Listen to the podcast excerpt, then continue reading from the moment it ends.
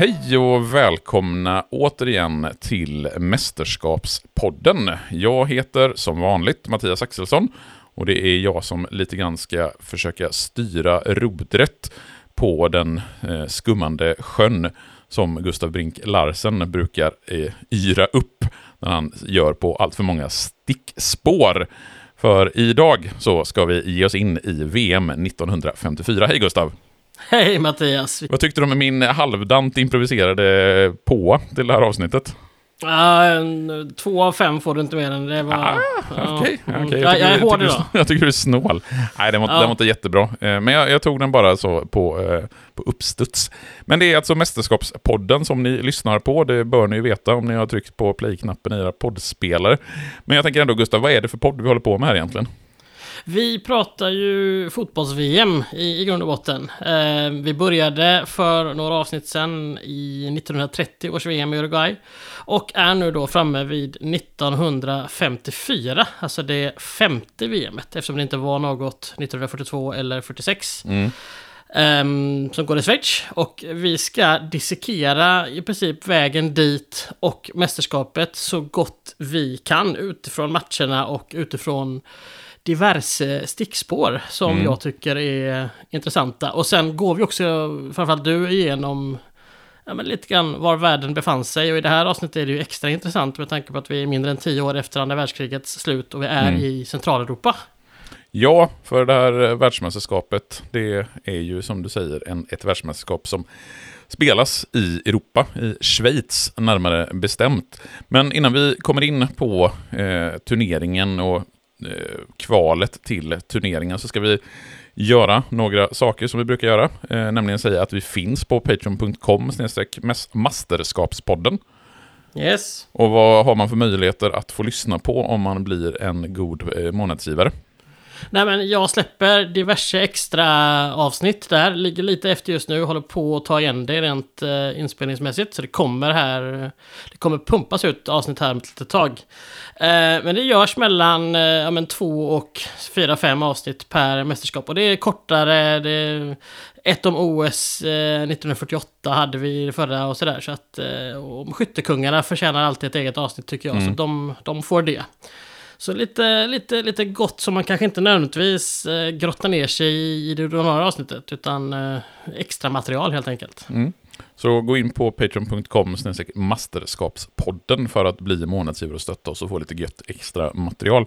Sen får ni också jättegärna följa oss på Instagram. Där heter vi också eller sök på Mästerskapspodden, ja. så hittar ni oss på Instagram. Där är Gustav som lägger upp diverse bilder och klipp som kan vara av intresse eh, när yes. man har lyssnat på avsnittet om VM 1954. Men vi brukar ju av tradition titta tillbaks på det föregående världsmästerskapet med det vi kallar för de fem snabba. Och då är det VM 1950 som var i fokus i förra avsnittet. Första frågan, vilka var det som vann VM 1950? Det gjorde Uruguay. Och vilka slog de i finalen, brukar jag ju fråga. Ja, det var ju ingen final här, men det var ju en avgörande match som nästan var en final. Och där slog man ju Brasilien, hemmanationen Brasilien. Mm. Och vem blev skyttekung i världsmästerskapet 1950? Det blev brassen Ademir med sina åtta mål. Och Sveriges, Sveriges insats, vad sätter vi för betyg? Vad kom de och vad får de för betyg? Nej men Sveriges insats var ju god. Vi kom ju faktiskt eh, trea. Eh, och eh, tog därför vårt första, vår första VM-medalj, ett brons. Mm. Vi satte väl en fyra i betyg tror jag om jag inte minns fel i förra. Och det finns väl ingen, ingen anledning att ändra på det. Nej, jag tycker eh, jag är helt eh, enig med det betyget. Eh, vilket, vilken blev den stora snackisen från VM 1950? Ja men det är väl två saker. Dels så är det ju då den avgörande matchen där Uruguay vänder och vinner mot Brasilien och tar mästerskapet. Eftersom den ju gick då på Maracana. Och det var brassarna som skulle ta hemmaguld och hela det där. Men vi har också USAs seger över England som verkligen var en, en rejäl sensation. Och som mm.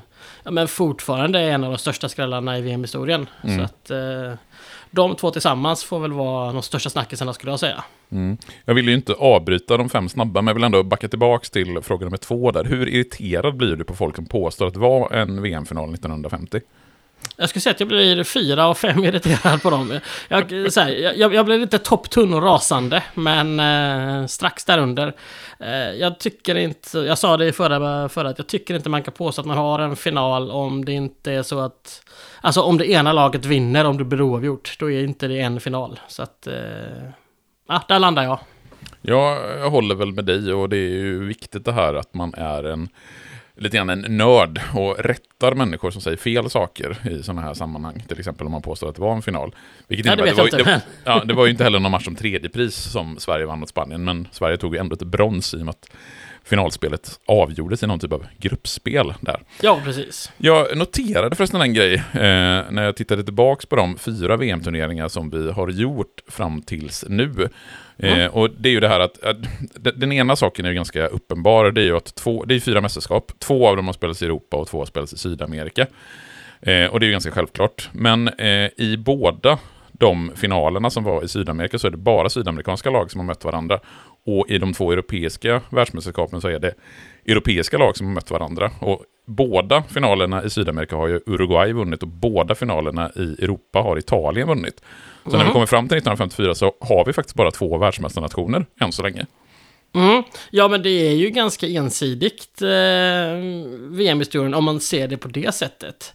Eh, om man skulle titta på silver och bronsmedaljörer så har vi lite större variation i alla mm. fall. Eh, kanske inte supermycket, men ändå lite. Eh, men nej, Italien och Uruguay var ju onekligen dominanter eh, vid den här tiden. Men det skulle börja förändras eh, mm. ja, från, från nu då. Ja, men, men visst, det är ju samtidigt som du säger, det är ju inte jättemånga lag som har vunnit eh, VM i fotboll för herrar. Det är ju verkligen bara en handfull, eh, handfull stycken.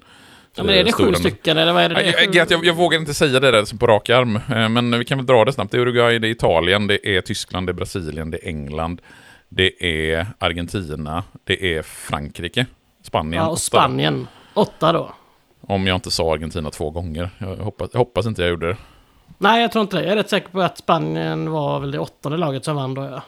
Fan, vad pinsamt om vi säger fel på det här i Mästerskapspodden. Det är ju sån här basic kunskap som alla måste ha koll på, hur många lag som har vunnit VM för herrar.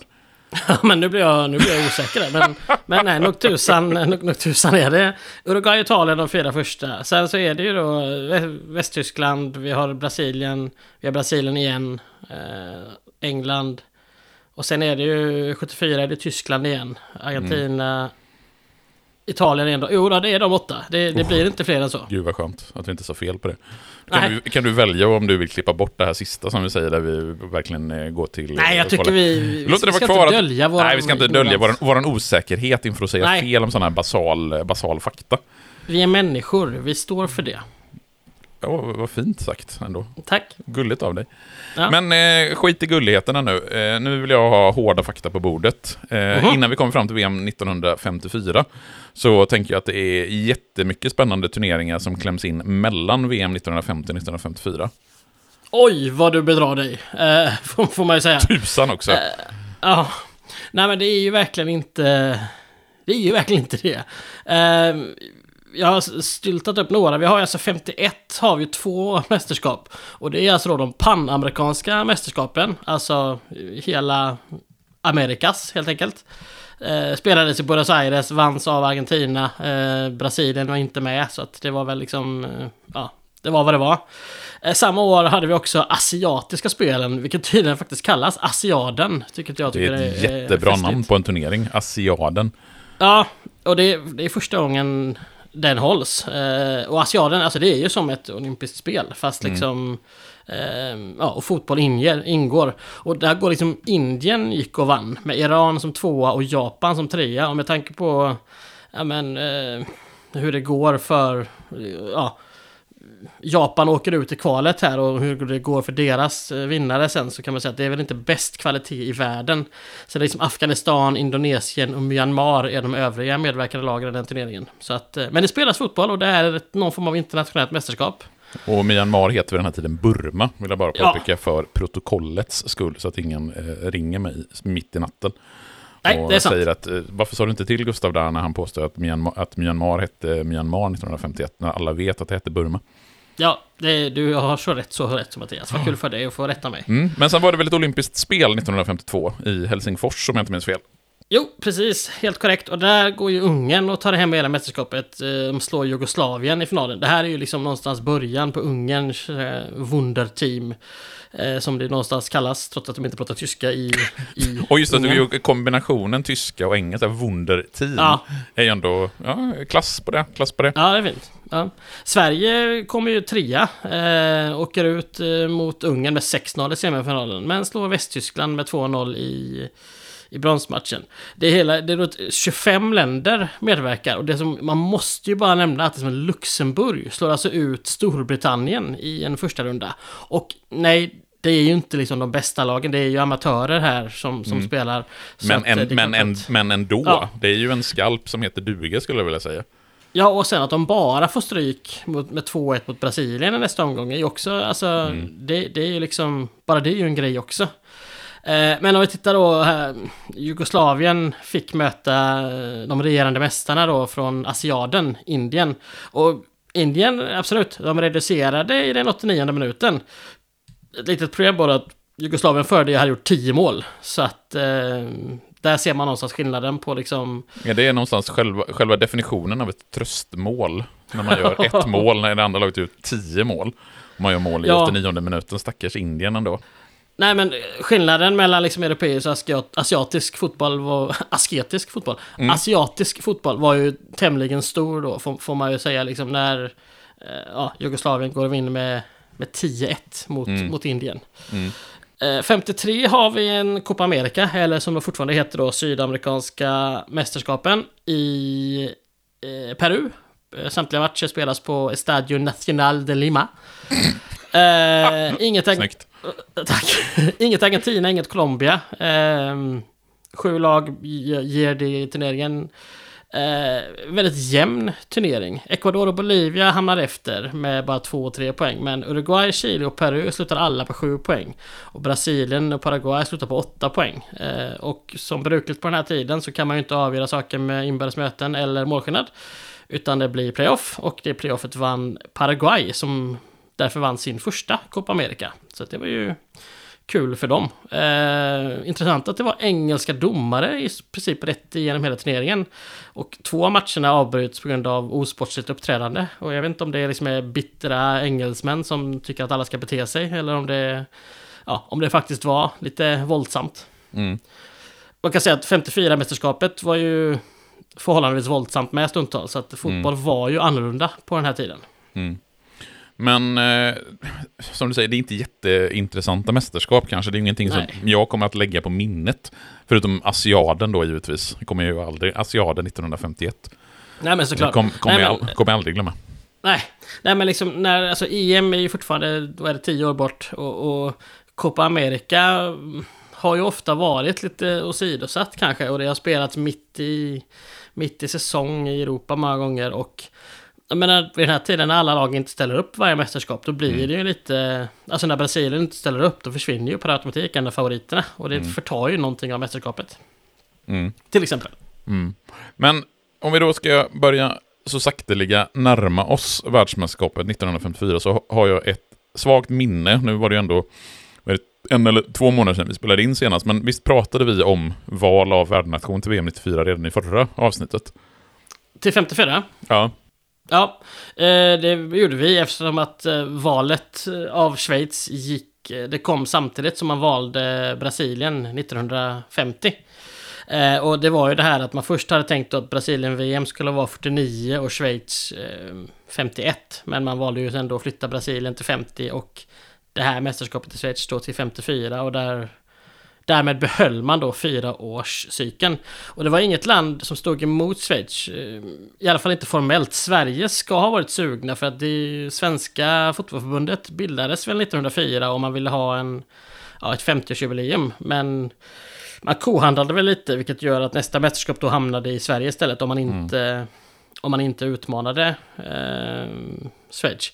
Men jag har läst någonstans, eh, nu kommer jag inte ihåg vilken det var, att liksom, ja, men man la det i Schweiz eh, för att det var Fifa fyller 50 år också.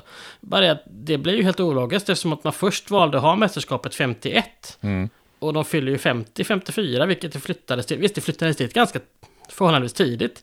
Men det kan ju omöjligt varit att man valde att lägga det där för att Fifa tre år senare skulle Mm. fylla 50 liksom. Nej, men och, alltså, och anledningen då, alltså Fifas huvudkontor ligger ju i Zürich, vilket skulle vara anledningen då liksom. ja. Nej, men alltså, det känns ju mer logiskt att världsmästerskapen så snart efter andra världskriget hamnar i neutrala länder. Alltså att, att Schweiz får det 54 och sen får det Sverige 58. Eh, och två länder som då varit neutrala under andra världskriget. Det känns ju inte som att det direkt är någon slump. Nej, det är det ju inte. Och det visar ju också lite grann igen på hur lite eh, Fifa och hur lite Europa bryr sig om den här överenskommelsen man hade med Sydamerika om att man skulle ha vartannat mästerskap i Europa och vartannat i, eh, i Sydamerika. Eftersom att man gjorde ju samma sak då 34, 38 och igen 54, 58 att man väljer två gånger i rad i, i Europa. Eh, men det är väl, ja, det är, det, det är väl européerna som tycker sig ha den rätten. Mm. Men vi har i alla fall konstaterat att VM 1954 ska spelas i Schweiz i Centraleuropa. Och då ska 16 länder medverka i den här turneringen. Två av eh, länderna är ju direkt kvalificerade, Schweiz som värdar. Och regerande världsmästarna Uruguay. Då betyder det att vi har 14 lag, räknar jag väldigt, väldigt snabbt ut i huvudet här. 16 minus 2, 14. Vet du. ma, matteproffs. Ja, det är mina, får jag använda mina skills här. Men om vi ska välja ut de här 14 lagen. Vi har ju grottat ner oss ordentligt i kval tidigare. Jag gissar att vi kommer göra det nu med. Du gissar så rätt, så rätt. Och det här kvalet går till ungefär som tidigare kval, det vill säga att det anordnas kontinentvis. Ish. Eh, Vissa länder får ju hoppa in i andra sådär. Eh, men här kan man någonstans säga att VM lite grann börjar växa till sig i seriositet om man ser till kvalet. Eh, Det är, nog, alltså, det är något fler lag anmälda än vid tidigare kval. Så 30 var ju inget kval. Men liksom, det var 32, 37 och 34 lag har varit eh, anmälda i de tidigare mästerskapskvalen. Här är det 45 eh, lag anmälda. Det är ingen jätteskillnad. Men om man ser till matcher, det var alltså 27 matcher spelades i kvalet till 34. Och det var flest antal kvalmatcher tidigare. I det här kvalet spelar man 57, alltså mer än dubblar antalet kvalmatcher. Och det är ju liksom, ja, visst, lag drogs ur även efter anmälan den här gången. Men det var inte på samma sätt som tidigare. Det var inte så att, jaha, men den här matchen spelar ingen roll, då skiter vi i den. Som det ändå var i framförallt 30-talskvalen. Att om en grupp var liksom redan avgjord så struntade man i att spela sista matcherna. Nej, så var det inte här. Här spelade man i princip alla matcher eh, som, ja, som, som skulle liksom. Mm. Och det är ju någonstans lite närmre, närmre moderna tider liksom. Mm. Det kommer ju vara ett väldigt Europatungt mästerskap. För liksom 11 av de kvarvarande 14 platserna ges till de europeiska kvalgrupperna. Där 27 lag har anmält sig. Och bland de 27 lagen så ingår ju då Egypten och eh, Israel. Så visst, i teorin hade det bara kunnat bli 9 plus 1, alltså 10 europeiska lag med Schweiz inklusive. Men... Eh, nej, Så, Så- ble, så, ble, så, så blir det inte, det kan vi ju spoila redan i förväg. Jag tror inte att det är någon som tror att vare sig Egypten eller Israel tar sig till VM 1954. Nej. Eh, Två platser tilldelas de amerikanska kontinenterna. En, eh, ja, en upp till Nordamerika, där tre lag kommer spela, och en till syd, där ja, även där kommer tre lag spela. Men är inte det lite märkligt att Sydamerika bara får en plats? Förvisso uh, världsmästare Uruguay, men borde inte Sydamerika ändå ha fler platser än en i VM 1954? Rimligen tycker man det, men eh, ja, det är väldigt Europatungt och eh, Argentina är väl fortfarande inte helt eh, med, på, med på att vara med så att säga. Mm. Så att jag tänker mig att det liksom är av, av den anledningen som, som, ja, som de inte får mer platser. För att hade både Brasilien och Argentina anmält sig så tippar jag på att de hade fått två platser. För att liksom det är två, det är två stora lag. Men Argentina... Jo, visst, visst. Jag köper det. Vi har uh, Asien kvar va? Ja, precis. Asien ska ju då faktiskt få en plats eh, garanterat.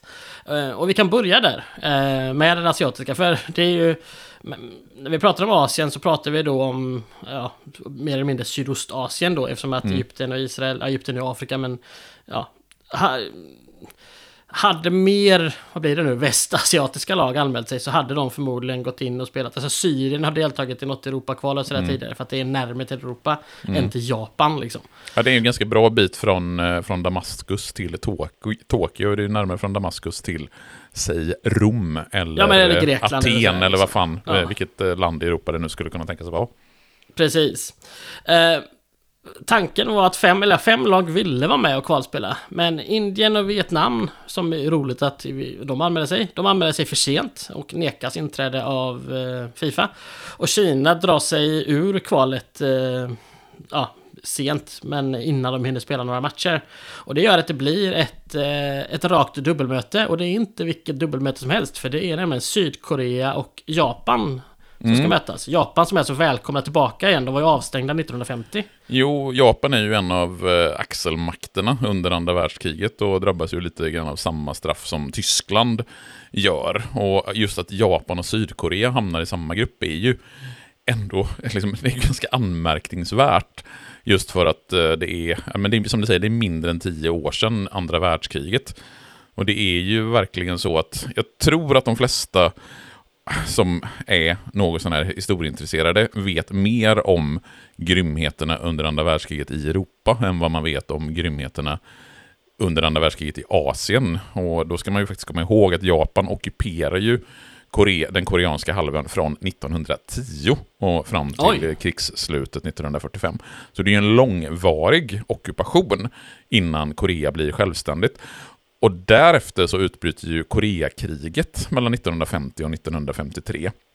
Eh, Mm. som är då en direkt konflikt mellan Nordkorea, det kommunistiska, och Sydkorea, det mer högerinriktade eh, landet. Där Sydkorea får stöd från USA och FN eftersom Sovjetunionen bojkottar FN vid de- den här tiden.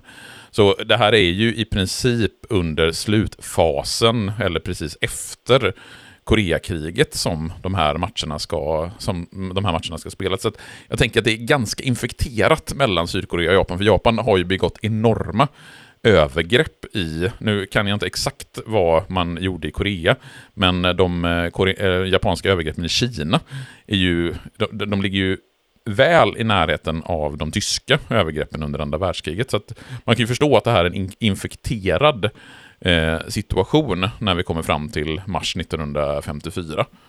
Ja men det var inte någon liten snäll eh, Vi försöker göra livet bättre för er ockupation Från Japans sida kan man Ver- nej, ver- nej, verkligen inte. Om vi, om vi ska vara snälla i historieskrivningen så är det verkligen inte det. Nej, så att det blir ju verkligen en... Eh, ja, heta möten. Och faktum är ju att eh, det blir ju eh, Eh, två matcher i Japan. För Sydkoreas president tillåter inte de japanska spelarna att, att komma in i Sydkorea. Så, eh, ja, så illa är det. Eh, men trots att det blir två bortamatcher så går det bra för Sydkorea. De vann den första matchen med 5-1 och den andra slutade 2-2. Och Sydkorea går alltså till VM, vilket ju... Ja, de har gjort helt okej ifrån sig senare i VM. De kommer väl inte göra jättebra ifrån sig det här VMet, kan vi väl spoila redan nu. Jag ska bara också för alla kalenderbitare där ute säga att det är alltså republiken Kina som Gustav eh, syftade på när han eh, sa att Kina eh, drog Ja. sig ur. Alltså inte folkrepubliken Kina, det här stora Kina med Mao Zedong, utan det är det här lilla Kina som vi idag känner som Taiwan som drar sig ur kvalet.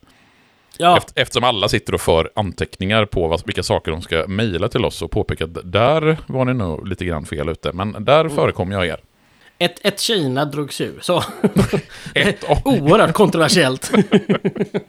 det, ja, Nej. den här podden Men dras vi, inte vi kan att- åtminstone ja. ta med oss Sydkorea från den eh, asiatiska kvalgruppen. Och raskt så hoppar vi i nummerordning till grupp nummer 12. Och då Ja, vi är vi i... baklänges. Ja, jag tycker att det, det är väl lämpligt eftersom du började i Asien så tänker jag, då kan vi väl gå baklänges.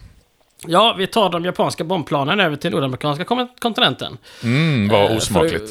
För, för att uttrycka sig opassande deluxe. Nej men eh, grupp 12 var det nordamerikanska kvalet. Och eh, Kuba och Costa Rica ville vara med, men anmälde sig för sent. Vilket gjorde att eh, Mexiko, Haiti och USA... Man eh, älskar ju ändå det här ju som att länderna, det är så många länder som anmäler sig för sent. Ja, Eh, Är det liksom dålig organisation i de här ländernas fotbollsförbund eller är det väldigt rigida Fifa-regler? Funderar man ju faktiskt på.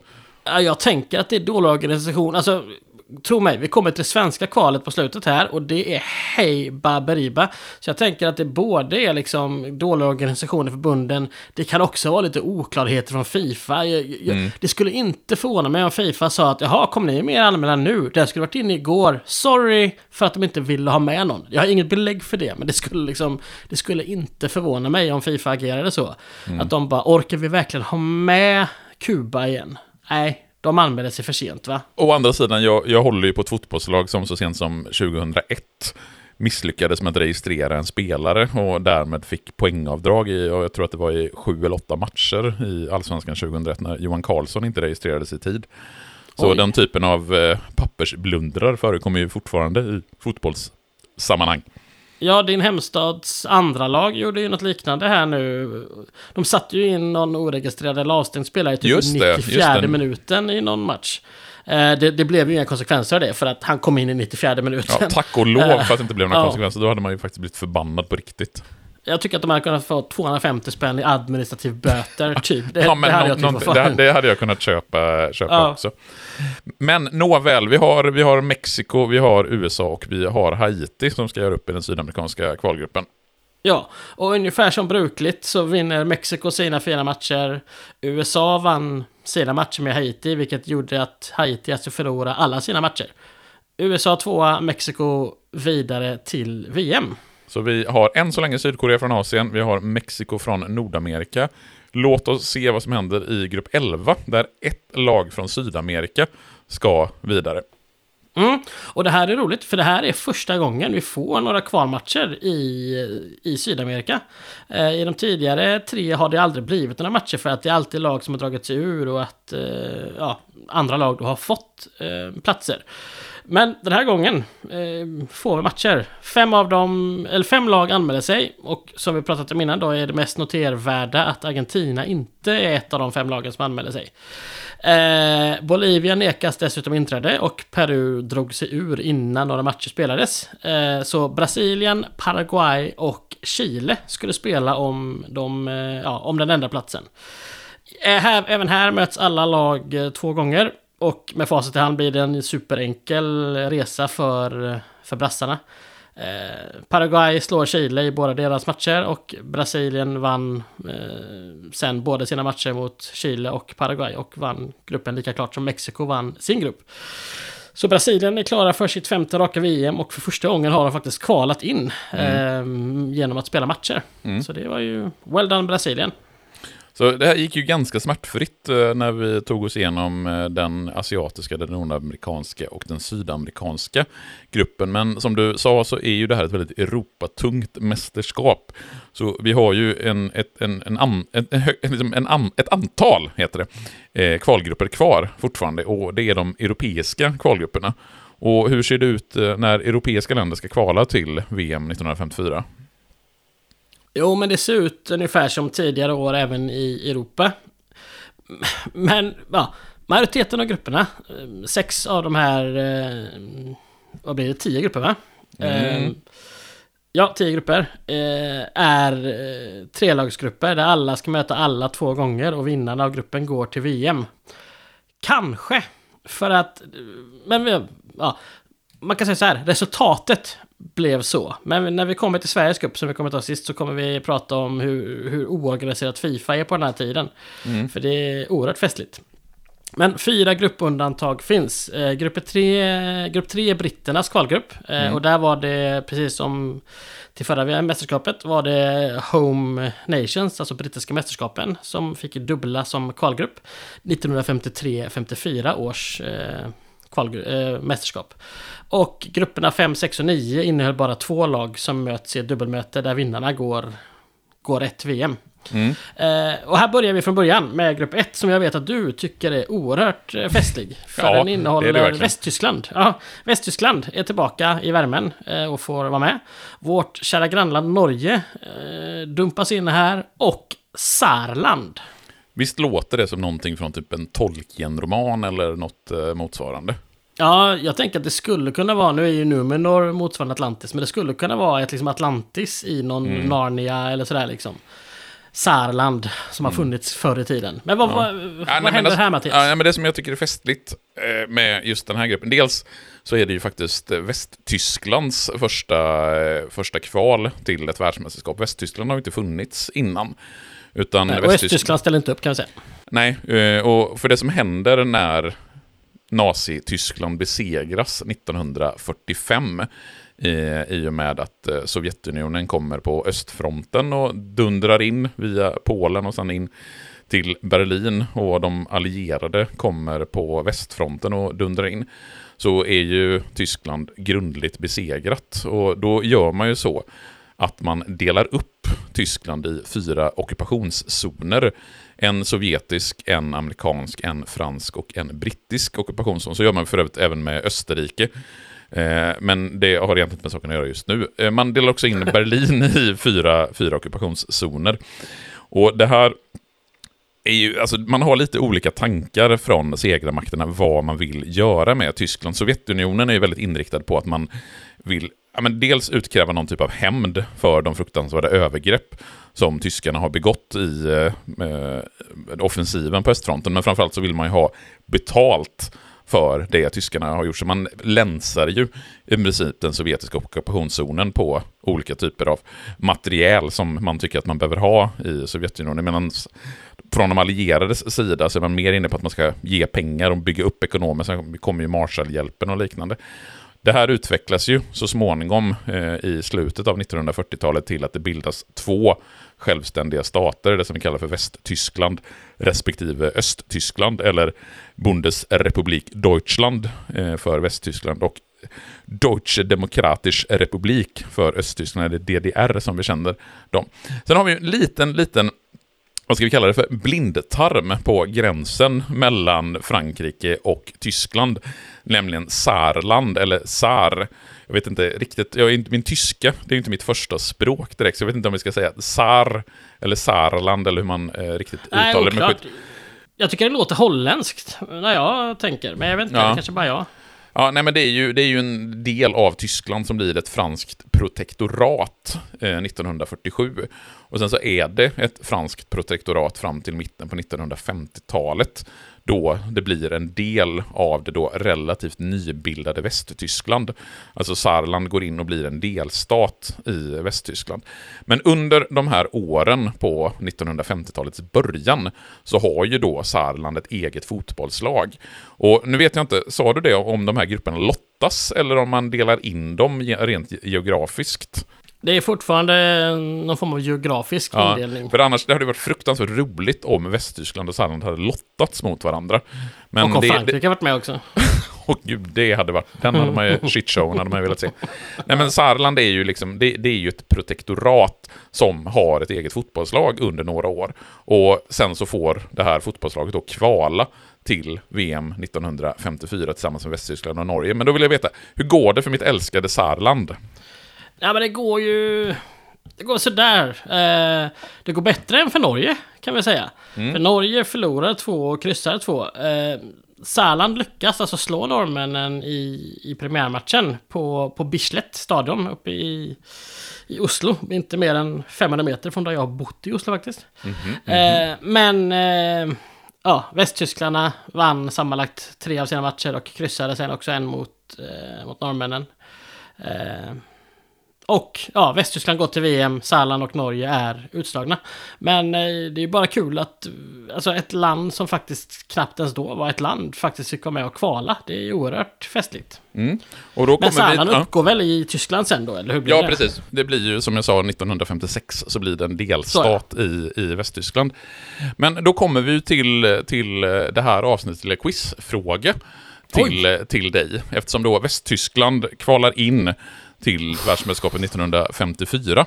Och det innebär att Västtyskland är ju ett av de länder som har varit med i ett världsmästerskap som inte längre existerar.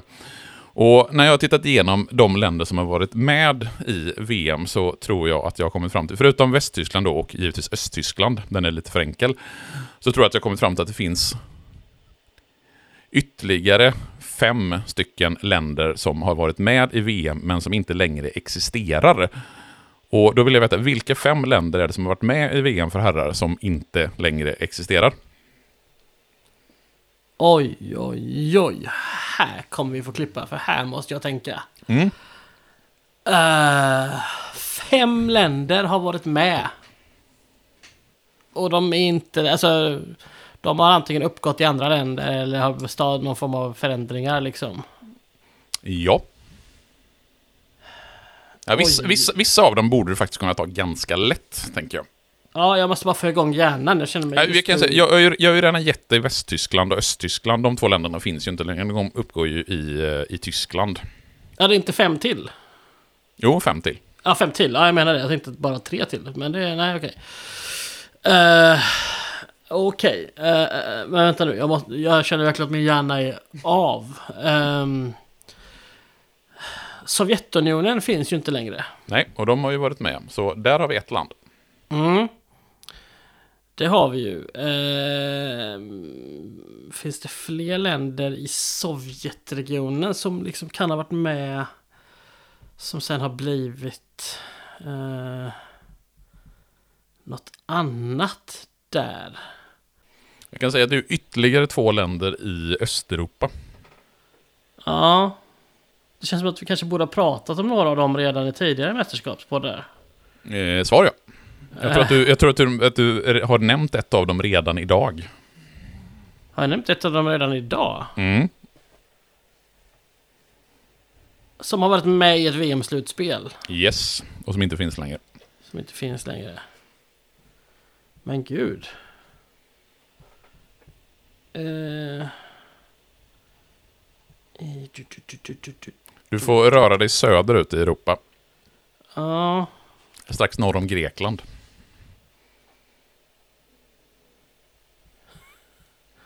Där har vi ju liksom Makedonien, Nordmakedonien, men de har vi inte pratat om. Vad har vi mer? Vi har ju...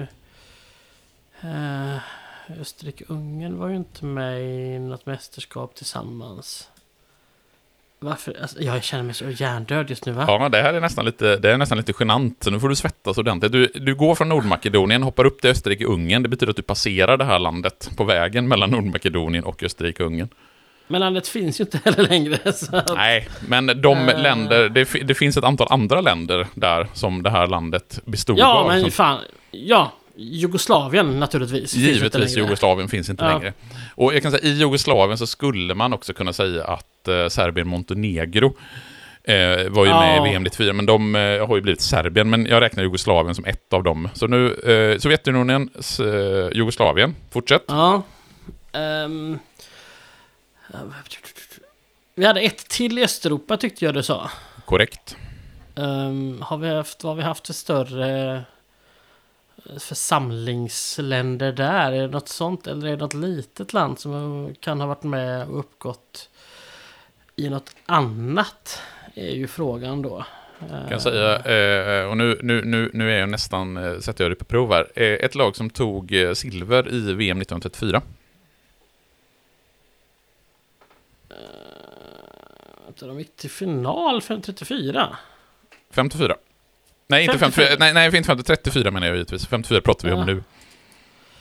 Eh, ja, ja, ja. eh, gud. Jag kallade mig alltid för Tjeckien. Men Tjeckoslovakien. Tjeckoslovakien givetvis. Mm. Och sen har du två länder till och de, de, de är svåra för ett av de länderna det är ett afrikanskt land som fortfarande finns men de har bytt namn. Så därför så finns de med på den här listan. Och då är vi nere i södra delen av Afrika. Jag tror att de är med 74 om jag inte minns fel. Södra... Jag tänkte Zaire var väl med då, va? Jajamensan, och de har ju bytt namn väl- till Demokratiska republiken Kongo, eller Kongo Kinshasa idag. Ja, just det. Precis. Och sen har vi det ytterligare ett, ytterligare ett lag som är med VM 1934, det är det sista, Ett lag till som är med 34, sa du? som inte finns längre. Som inte finns längre. Jag hade väldigt, väldigt roligt åt namnet på landet. Den, det här är svår om du inte kommer på det direkt.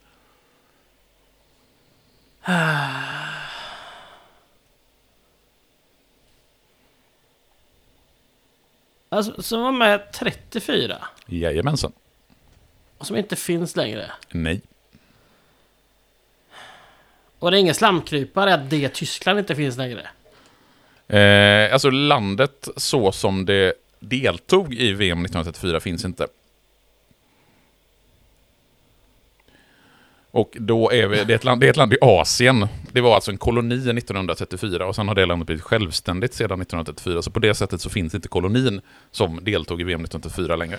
Ah, vänta nu, vad hette de då? Eh, eh, eh, det var inte 34 väl? Jag tror det var 38. Ja, Eh, 38, 38 kanske det var. De hette ju... Holländska Ostindien hette de väl? Indonesien. Ja, Nederländska Ostindien. Och det är mycket 1930, 1938 är de, men inte 34, där sa jag fel. Och Ah, hade, jag ja. sagt, hade jag sagt 38 så hade du plockat det direkt, eller hur? Eh, verkligen, oerhört snabbt hade det gått. Men eh, hur känns det här, Gustav? Det är... Ja, man kan väl säga så här, det, det tar ju längre tid än vad lyssnarna kommer få höra. För det, annars kommer de sitta och bli Du kommer, du kommer kli, deprimerade. kli, klippa det här duktigt eh, så att det låter som att du bara snärtar fram svaren så. Nej, Nej, kanske inte riktigt, men lite grann jag sitter... eh, kanske inte är så bra podd. Eh, Det var svårt, jag tror inte... Jag, menar, jag, hade, ju- jag hade inte fått alla fem om jag inte fått hjälpen från dig. Jag hade... Hade Mm. Jag tror, att, jag tror att de europeiska länderna, de hade du kommit på eh, Ja. efter lite tänkande. Sen är ju Zaire och Nederländska Ostindien svårare. Just för att Zaire, det är ju samma land rent geografiskt, Ja. men de har bytt namn. Och Nederländska Men säger hade jag tagit eh, om du sagt 74 bara. Alltså du hade inte behövt säga att det var ett afrikanskt land. För Mm. Det, säg- det minns jag nog. Men, men jag hade inte liksom hoppat till 74 och sagt sig, nej det hade jag inte. Så att eh, jag hade kanske kommit på de tre europeiska och sen, eh, ja, nej. Mm. Mm. Där tror jag vi landar. Yes, det är där vi landar. Du får en svag tvåa för insatsen i det här quizet, får jag Oj. Säga. Det var hårt ändå. Ja, nej, men du fick, eh, du fick mycket hjälp där i, eh, i de geografiska, hur du skulle röra dig i Europa och så vidare. Så att, okej, du får en, Ja. inte, det behöver inte vara svag, du får en tvåa. En, en stabil tvåa får du, Ja, för att jag är snäll idag.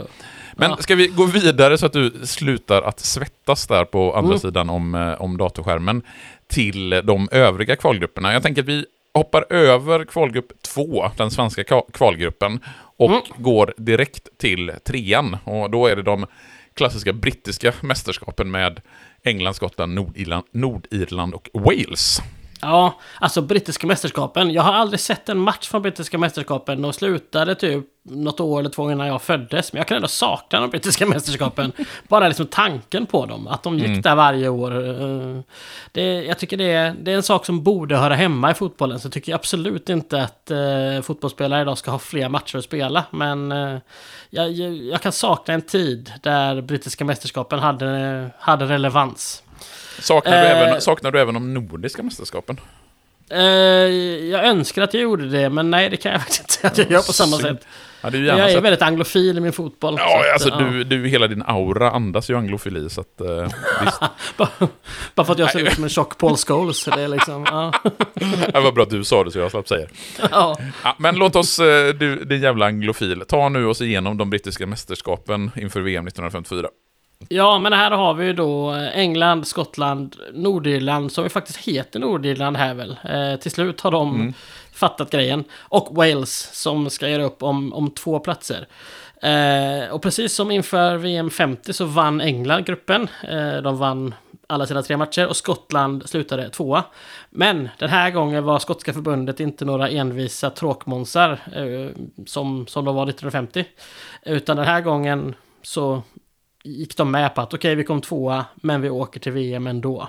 Mm. Det kan väl ha något att göra med att det bara var liksom en båtfärja över sundet och sen var man typ i Schweiz liksom. Mm. Eh, men ja, England och Skottland från de eh, brittiska öarna.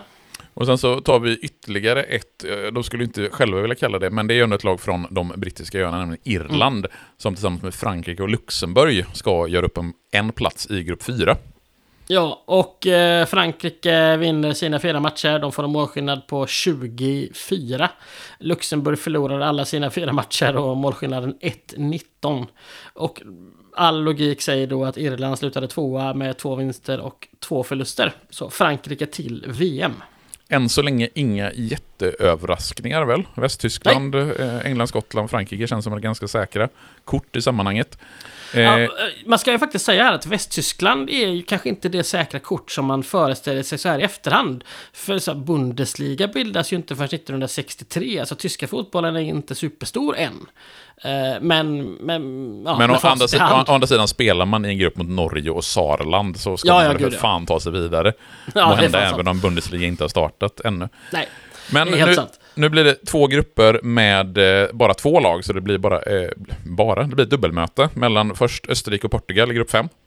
Ja, och där kör Österrike över Portugal hemma med 9-1. eh, Och två månader senare möts de i Portugal och då spelar lagen 0-0. Så Österrike går till VM. Men jag älskar någonstans tanken på att det hade räckt för Portugal att vinna med 1-0 i den matchen så hade det blivit en, ett omspel. Ja. Eh, Ja, det är ju ändå ganska... Jag, jag, jag, jag satt liksom, för jag är ju så inställd på det här att målskillnad på något sätt spelar roll. Det gör det ju inte Ja, ännu. Så jag liksom funderade hur, hur peppade var portugiserna på att åka. Men det är klart att det räcker med att vinna med 1-0 så, så är det klart att man fortfarande är taggad på att spela matchen. Men ja man varit- får ett omspel på neutral plan Mm. liksom. Eh, Det... Ja, nej så att... Eh, orättvist tycker jag. Eh, Eller ja, nu blev det ju rättvist för att nu gick Österrike vidare eftersom att de klarade oavgjort. Men, men det, det, det håller ju den sportsliga spänningen uppe längre. Mm. Och nu kommer vi till ett, ett av de märk, en av de märkligaste grejerna i det här VM-kvalet, eh, nämligen grupp 6 mellan Turkiet och Spanien. För den avgörs inte riktigt så som man kanske hade trott att den skulle avgöras. Nej, verkligen inte. Eh, Spanien går in som stora favoriter. Eh, faktum är att Spanien har redan sidats till VM-gruppspelet. För Fifa sidade ju ett antal lag ehm, inför gruppspelslottningen i, i VM. Och Spanien, trots att de inte var färdiga, alltså de var inte klara till VM, blev ett av de sidade lagen. Eh, och första mötet spelas i januari 54, alltså knappt halvåret innan mästerskapet. Och det ser ut att gå liksom klockrent. Spanien vinner med 4-1 i mars. Ska de bara liksom klara av bortamötet så är de i VM. Men här gör turkarna då vad, vad, ja, vad Portugal inte mäktade med. De vann med 1-0 eh, hemma. Eh, som sagt, målskillnad eller inbördesmöten var inte en grej, så att det blir då ett avgörande play-off. Och båda lagen begav sig till Italien, eh, för den här matchen skulle spelas några dagar, ja, tre dagar senare tror jag, eh, på neutral plan. Eh, och det är en svängig match. Spanjorerna tar ledningen, Turkiet vänder till 2-1 och spanjorerna kvitterar med 12 minuter kvar. Och det blir förlängning och den blir mållös. Och då tänker man ju sig att det ska bli straffar eller något annat sånt här, att matchen åtminstone på något jävla vis ska avgöras på planen. Men nej, så tänkte man inte 1954. Nej, inga straffar, inget andra omspel, utan fram kliver en 14-årig eh, pojke, eh, Luigi Franco Gemma. Han var, han var son till en man som arbetar på Olympiastadion i Rom. För, ja, så kan det gå. Så att eh, med ögonbindel så skulle han då dra en lott om vilket lag som skulle gå till VM. Och lotten han drog upp var Turkiet, som alltså går till VM på, på Spaniens bekostnad. Och det här är enda gången som lotten har fått avgöra vilket lag som faktiskt skulle gå till mästerskapet. Jag tror också, läste något om att det är enda gången som ja, men ett lag som ja, men egentligen skulle kvalificerat sig inte gjorde det om man ser till resultat då liksom. Mm. Eh, och med egentligen mer då med mer moderna termer som inbördesmöten, målskillnad och så vidare. Och så vidare. Mm, för Spanien har ju bättre målskillnad. De har ju, alltså, räknar man krasst så har både Turkiet och Spanien två poäng var om man räknar med gamla, alltså två poäng för seger. Mm. Turkiet, Turkiet får minus två, Spanien får plus två i målskillnad. Så med liksom, i all rimlig logik så borde ju Spanien ha gått till VM. Men Mm. nej, nej, nej. Utan här ska en liten Luigi Franco Gemma med ögonbindel dra en lott på Olympiastadion. Och så blir det Turkiet som går till VM. Ja, och visst, eller så här. Om omspelsmatchen slutar oavgjort som den gör, då kan man tycka att ja, men då kanske vi tar målskillnaden. Visst, det kan kännas fånigt att att lägga på det efter att man har spelat en hel match till. Men jag menar, för att få ändå någon form av sportslig rättvisa hade väl det varit en grej. Men så valde man icke att göra. Så Turkiet går till VM och eh, grupp 7, eh, lite mindre dramatik där. Ja, eh, Ungern och Polen eh, skulle gjort upp om eh, det här, men Polen drar sig ur. Eh, Island skulle varit med också, men de anmälde sig för sent. Så att eh, superlaget Ungern går till VM utan att behöva spela en enda kvalmatch. Good for them. Eh, en, Ja. tre, en trelagsgrupp har vi i grupp 8. Eh, en östeuropeisk grupp, Tjeckoslovakien. Mm. Ett av de länder som inte finns längre, Gustav. Ja, precis. Rumänien, ett av de länder som kanske inte borde finnas. Eller? Nej, ja. Det, jag, vet inte, jag vet inte vad du har emot Rumänien. Nej, absolut ingenting. Jag tycker om att de förlorar fotbollsmatcher mot Sverige, så det är jättebra. Eh, nej, jag bara sa saker här faktiskt. Ja, du, Eh. du ville verka farlig. Ja, men... Det, det, det, det, det, det är det det handlar om. Ja. Bul- Bulgarien är det tredje laget och de slutar sist utan en enda seger. Ehm, ja, rumänerna vann båda sina matcher mot dem, men de förlorade också båda sina matcher mot Tjeckoslovakien. Som därför gick till VM. Och så har vi, eh, förutom den svenska gruppen, två eh, europeiska inom citationstecken, för nu kommer de två grupperna som ändå har eh, ett afrikanskt respektive ett asiatiskt lag. Den första gruppen, grupp 9, Italien ställs mot Egypten. Ja, den går fort. Italien vinner med 2-1 borta och 5-1 hemma. Så att eh, italienarna har eh, samlat ihop ett lag som enkelt tar sig till VM. Och sen så har vi då Jugoslavien, eh, ett lag som inte finns längre, Gustav. Ja, Och sen så har vi Grekland och Israel i den tionde gruppen. Ja. Och jag hade absolut inte sagt om Israel så som jag sa om Rumänien. Det ska jag bara lägga till. Nej, du är så jävla, du är så jävla PK. Ja, men det, det, var, det hände någonting där? Kan inte du förklara det? Eh, Nej, vi, vi tar det en annan gång. Som vanligt. Det händer mycket i Grekland med kan man säga. Så att, eh, ja. Nej men det här är grupp 10, eh, våran då näst sista grupp. Den är rolig på ett oerhört tråkigt sätt. Eh, För det är ju då de tre länderna som vi pratat om, alla ska mötas eh, två gånger. Eh, Och juggarna inledde med att slå grekerna hemma med 1-0. Grekerna slog sen israelerna hemma med samma resultat innan Jugoslavien igen spelade hemma och vann med 1-0. Den här gången då mot Israel. Eh, det målet var den enda, det enda målet i den här gruppen som gjordes i den första halvleken. Alla andra sattes i andra halvlek. I gruppens fjärde match bestämde sig Grekland för att ha rena rama målfesten då de slår eh, Israel borta med 2-0. Eh, Jugoslavien följer upp det med att i gruppens två sista matcher först borta slå Israel med 1-0 och slutligen besegrar de Grekland borta med samma resultat. Så vi har alltså sex matcher, varav fem slutar 1-0. Eh, oerhört festlig grupp, får man ju säga. Det verkar ha varit en bra fotboll. Fast nu tycker inte jag att du ska döma matcherna så här bara utifrån deras resultat. Det kan vara oerhört välspelat och roligt även om det är en 1-0-match. Mm, det kan man ju hoppas, men jag tvivlar. Eh, tvivlar, Men Jugoslavien i alla fall till VM. Och då är vi nästan klara med kvalet till det här mäster- mästerskapet, men vi har ju valt att vänta med grupp nummer två, alltså den grupp där Sverige ingår. För det ska man ju komma ihåg att när vi befinner oss till, i kvalet till VM 1954 så är ju Sverige en ganska stor fotbollsnation. Vi tog OS-guld 1948 i London. Vi tog ett VM-brons i förra VM 1950. Vi tog också, som du nämnde, ett brons i de olympiska spelen i Helsingfors 1952. Och Sverige har ju redan fått arrangörsprivilegiet till VM 1958. Så man tänker att det ska bli en klang och jubelföreställning, att Sverige bara ska leka hem kvalet och ta sig till VM 1954. Men eh, det blir ett ganska stort misslyckande, det här kvalet, eller hur? Ja, men det måste man ju verkligen säga. Vi har ju ändå fått en ganska beskedlig grupp med våra bekanta... Ja, vi har fått den östra rikshalvan Finland eh, att möta och Belgien. Eh, Jag tycker att man konstant ska referera till Finland som bara den östra rikshalvan. Ja. Nu är det så att i, till, i NATO så ska Sverige och den östra rikshalvan nu bli medlemmar. Inte kalla det för Ja. Finland. Bara nej, fan förneka all finsk historia efter 1809. Bara förnekas. Det är fortfarande den östra rikshalvan. Så det är alltså i, det bara i, är de som kommer få gå med. I den här. Det är Belgien, det är Sverige och den östra rikshalvan. Okej, vi, kör- vi kör på det. Nej, du kan, du, kan, du kan få säga Finland faktiskt, för det, det blir nog enklare. Det kanske gör det. Och vi kränker färre finnar. Eh, tänker jag också. Finländare. Får man inte säga finnar nu heller? Nej, finnar och finländare är inte samma sak. Finländare är ju en eh, samlingsnamn för alla som bor i Finland. Finnar är ju de som pratar finska i Finland och som tillhör den finska kulturen. Sen har du också eh, finlandssvenskar som också är finländare. Du kanske inte kränker dem, jag vet inte. Men håll isär finländare och finnar åtminstone. Ja, eh, det var alltså svensken, Belgien och finnen som skulle spela här.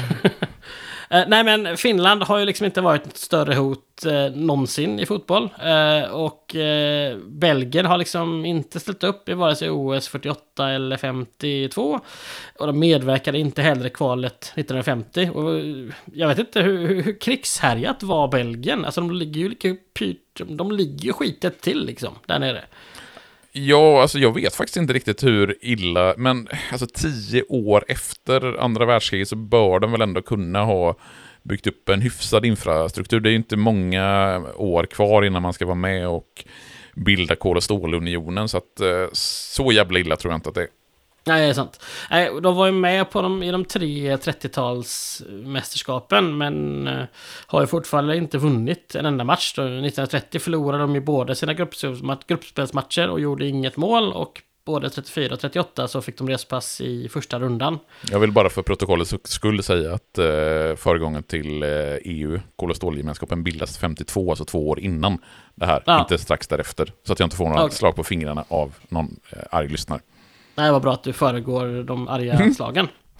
Men eh, belgarna inledde kvalet med att bortaslå finnarna och finländarna eh, i maj 1953. Och de kommer till Sverige för att tre dagar senare ja, möta Sverige i Stockholm. Och man eh, tar sig igenom DN och Svenska Dagbladets eh, arkiv på förhand så, så verkar inte media superpositiva typ till Putte Kock och eh, de andra i uttagningskommittén. För det här är ju fortfarande den tiden där det inte var en förbundskapten utan vi hade en uttagningskommitté.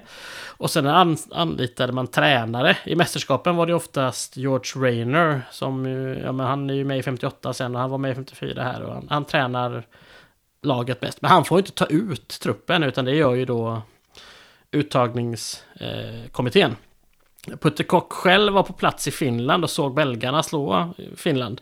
Och han ska ha uttryckt att han inte alls var orolig för utgången av Sveriges match mot Belgien utan att Sverige ska, ska vinna den. Och det håller ju Svenska Dagbladets utsände med om, att belgarna imponerade inte. Men han ställer väl också den lite relevanta frågan att om, om en ledare inte är det minsta orolig så kanske man bör vara orolig. Och orolig blir man när matchen eh, har kommit en bit den 28 maj 1953. Men den börjar ganska bra för Sverige ändå. Ja, den börjar jättebra. Sylve Bengtsson gör 1-0 efter 20 minuter. Inte Bengt Berntsson, vilket vissa historiekällor har angivit, för han var inte med här. Eh, Arne Selmosson gör 2-0 eh, bara 6 minuter senare och allt ser ut att vara prima ur svensk synvinkel.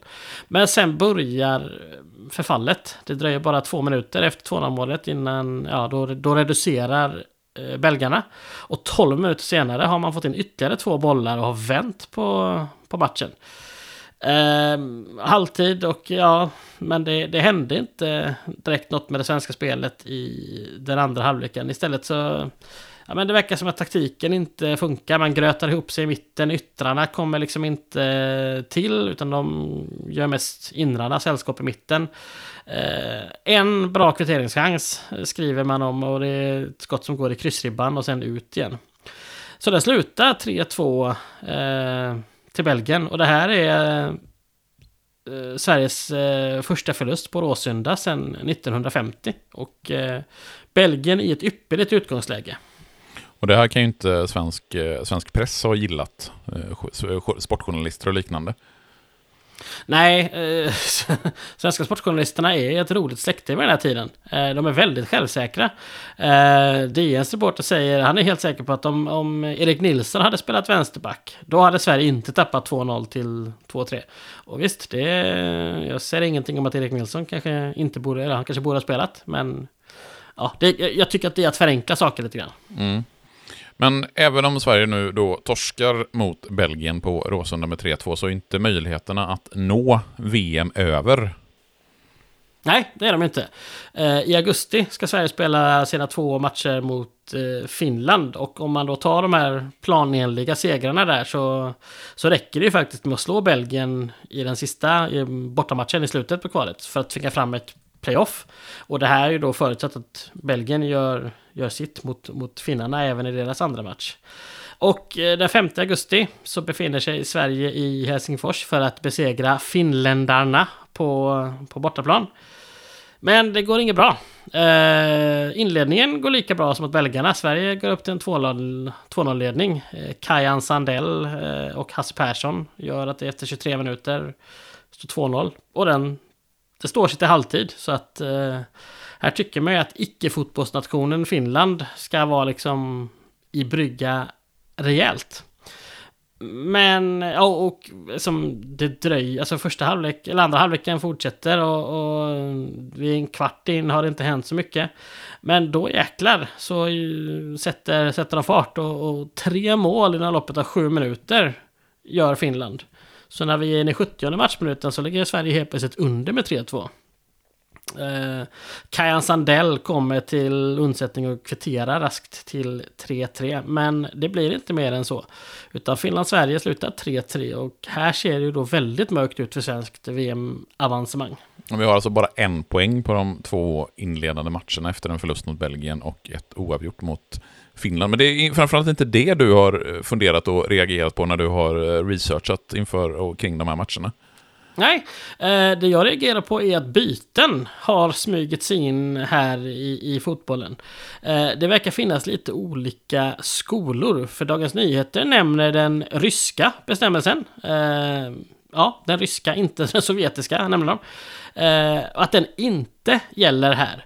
För enligt den så ska man få byta ur spelare som antingen är ur form eller spelare som blivit trötta. Eh, inte fritt, Eh, alltså och skadade såklart får man byta ut. Inte ett fritt antal byten, men ändå att man faktiskt får göra liksom taktiska byten. Eh, vilket ju inte var på kartan i någon annanstans. Men som reglerna sa i det svenska kvalet, för det gäller ju inte alla kvalmatcher utan grupp, alltså grupperna kommer ju överens sinsemellan lagen hur, vilka regler som ska gälla. Eh, och här var reglerna att man får byta två spelare i matchen förutsatt att spelaren blivit skadad och inte kan fortsätta. Eh, men utespelare får bara bytas ut i den första halvleken. Så om en spelare skadar sig i den andra halvleken, då får han inte ersättas. Eh, en skadad målvakt däremot får ersättas när en han blir, blir skadad. Och jag förstår det som att det är att man har ett byte på en utespelare i första halvlek och sen har man också ett målvaktsbyte. Eh, det är, reglerna är något ja, det är ingen som har satt sig ner, så här funkar det om man säger så, utan jag har fått luska ut lite här och var hur det, hur det verkar gå till. Men skulle man liksom få två utespelare skadade den första halvleken så tror jag inte att man får använda båda sina byten till det, som jag förstår det. Mm. Eh, för Sverige behöver ju använda sig av ett av sina byten här i matchen, att eh, Lasse Eriksson går ut efter fem minuter och Sylve Bengtsson ersätter honom. Mm. Trots det här ganska liksom, den här dåliga inledningen med en förlust mot Belgien och ett, en oavgjord match mot Finland så kanske det ändå finns någon möjlighet för Sverige att ta sig till VM 1954? Eller, för det, det verkar som att det blir ganska krångligt i den här gruppen. Ja, det blir krångligt och folk är inte överens, så kan man väl säga. För Sverige ska möta Finland på hemmaplan eh, knappt två veckor efter man, eh, man har mött dem på bortaplan. Eh, och Sveriges chanser, liksom, vi har sagt att det ser mörkt ut, men faktum är att det som gäller i kvalet, alltså lite, lite grann som i kvalet 1950 verkar det som att under kvalet är det lite oklart vilka regler som faktiskt gäller. För Fifa har som sagt då låtit varje grupp komma överens om reglerna själva. Och belgarna ska ha förespråkat en serie, alltså så som vi pratar om den, att alla lag möter alla två gånger och sen så går laget med flest poäng dit. Men Sverige och Finland ska ha föredragit att varje land liksom spelar för sig själva. Alltså att man måste besegra båda övriga lag i gruppen. Så om Sverige och Finland hade spelat oavgjort även i den andra matchen så ska en tredje match de lagen emellan äga rum på neutral plan. Eh, alltså som, ja, det säger Holger Bergius som är liksom fotbollförbundets generalsekreterare. Eh, och han påstår att belgarna också ska ha accepterat det. Han säger verkligen rakt ut att någon serie har det aldrig varit tal om. Men oavsett det så, så så upprepar svenskarna inte sitt fiasko utan man hemmaslår Finland med 4-0 efter två mål av Kajan Sandell, ett av Knista Sandberg och ett av Herbert eh, Sandin. Mm. Men, men har då de sista matcherna i gruppen någon betydelse nu?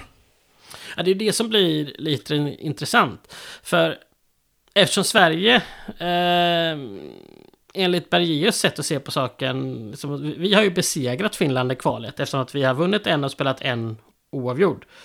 Men frågan är då, är Finlands match mot Belgien...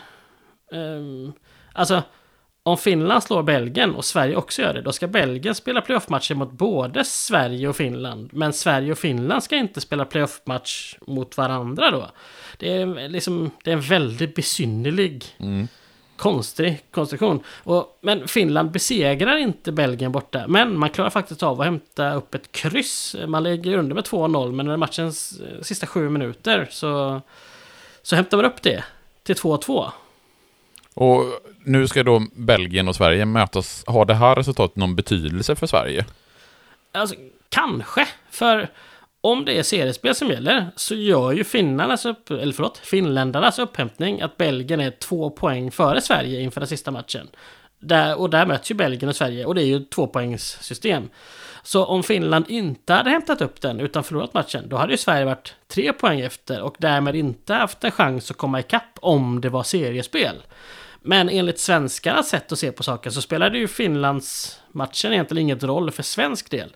För det enda som gäller för Sverige då är ju att besegra Belgien för att få till en, en, en playoff-match mellan Sverige och Belgien.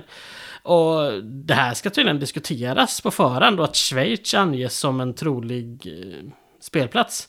Men när Svenska Dagbladet skriver om resultatet mellan Belgien och Finland, då skriver de att Sverige nu har en VM-chans. Och att vi får anta att Fifa kommer att beställ, bestämma att det är seriespelsregler som gäller. Så det är liksom, och, och, där sätter man ut en tabell i tidningen, så det är, allt är... Det är rörigt, så kan vi säga. Ja, ja. och det, det, tyvärr, får man säga, så blir ju det här en hypotetisk tanke. Eftersom att Sverige förlorar den sista kvalmatchen nere i Belgien.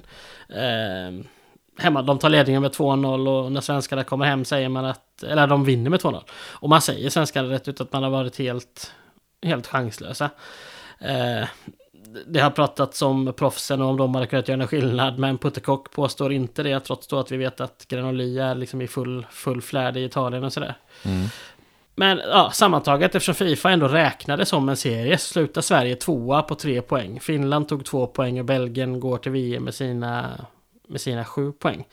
Eh, men jag, det, jag, tycker att det är väldigt fascinerande att man i princip kan spela ett helt kval eh, utan att vara helt säker på vilka regler som faktiskt gäller. Det är ju, det är ju, det är ju intressant. Ja, men det är ju superspännande att läsa tidningarna från, eh, från 1954 där. Och, och just det här att det faktiskt är en osäkerhet i tidningarna om vad det är som faktiskt gäller. Vilka ja. regler det är som gäller för att kvala till VM 1954. Och det här liksom ihop med det här att vissa lag då anmäler sig för sent. Det, alltså ja. VM har ju inte riktigt satt sig, så kan vi säga. Det är fortfarande lite, lite sådär lösa boliner vad det gäller det här, de här världsmästerskapen kan jag tycka.